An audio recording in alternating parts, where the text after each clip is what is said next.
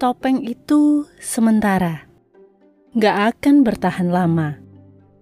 Di hadapan orang lain, kita bisa berbuat palsu, acting, sebab sifat seseorang itu sejatinya saat tak seorang pun melihat. Namun, sebagaimanapun kita menutupinya, jaim atau jaga image, cepat atau lambat akan terkuak juga karakter kita saat bertemu dengan masalah atau bersinggungan dengan orang lain. Be real, be you. Makin hari belajar jadi lebih baik, bukan fake.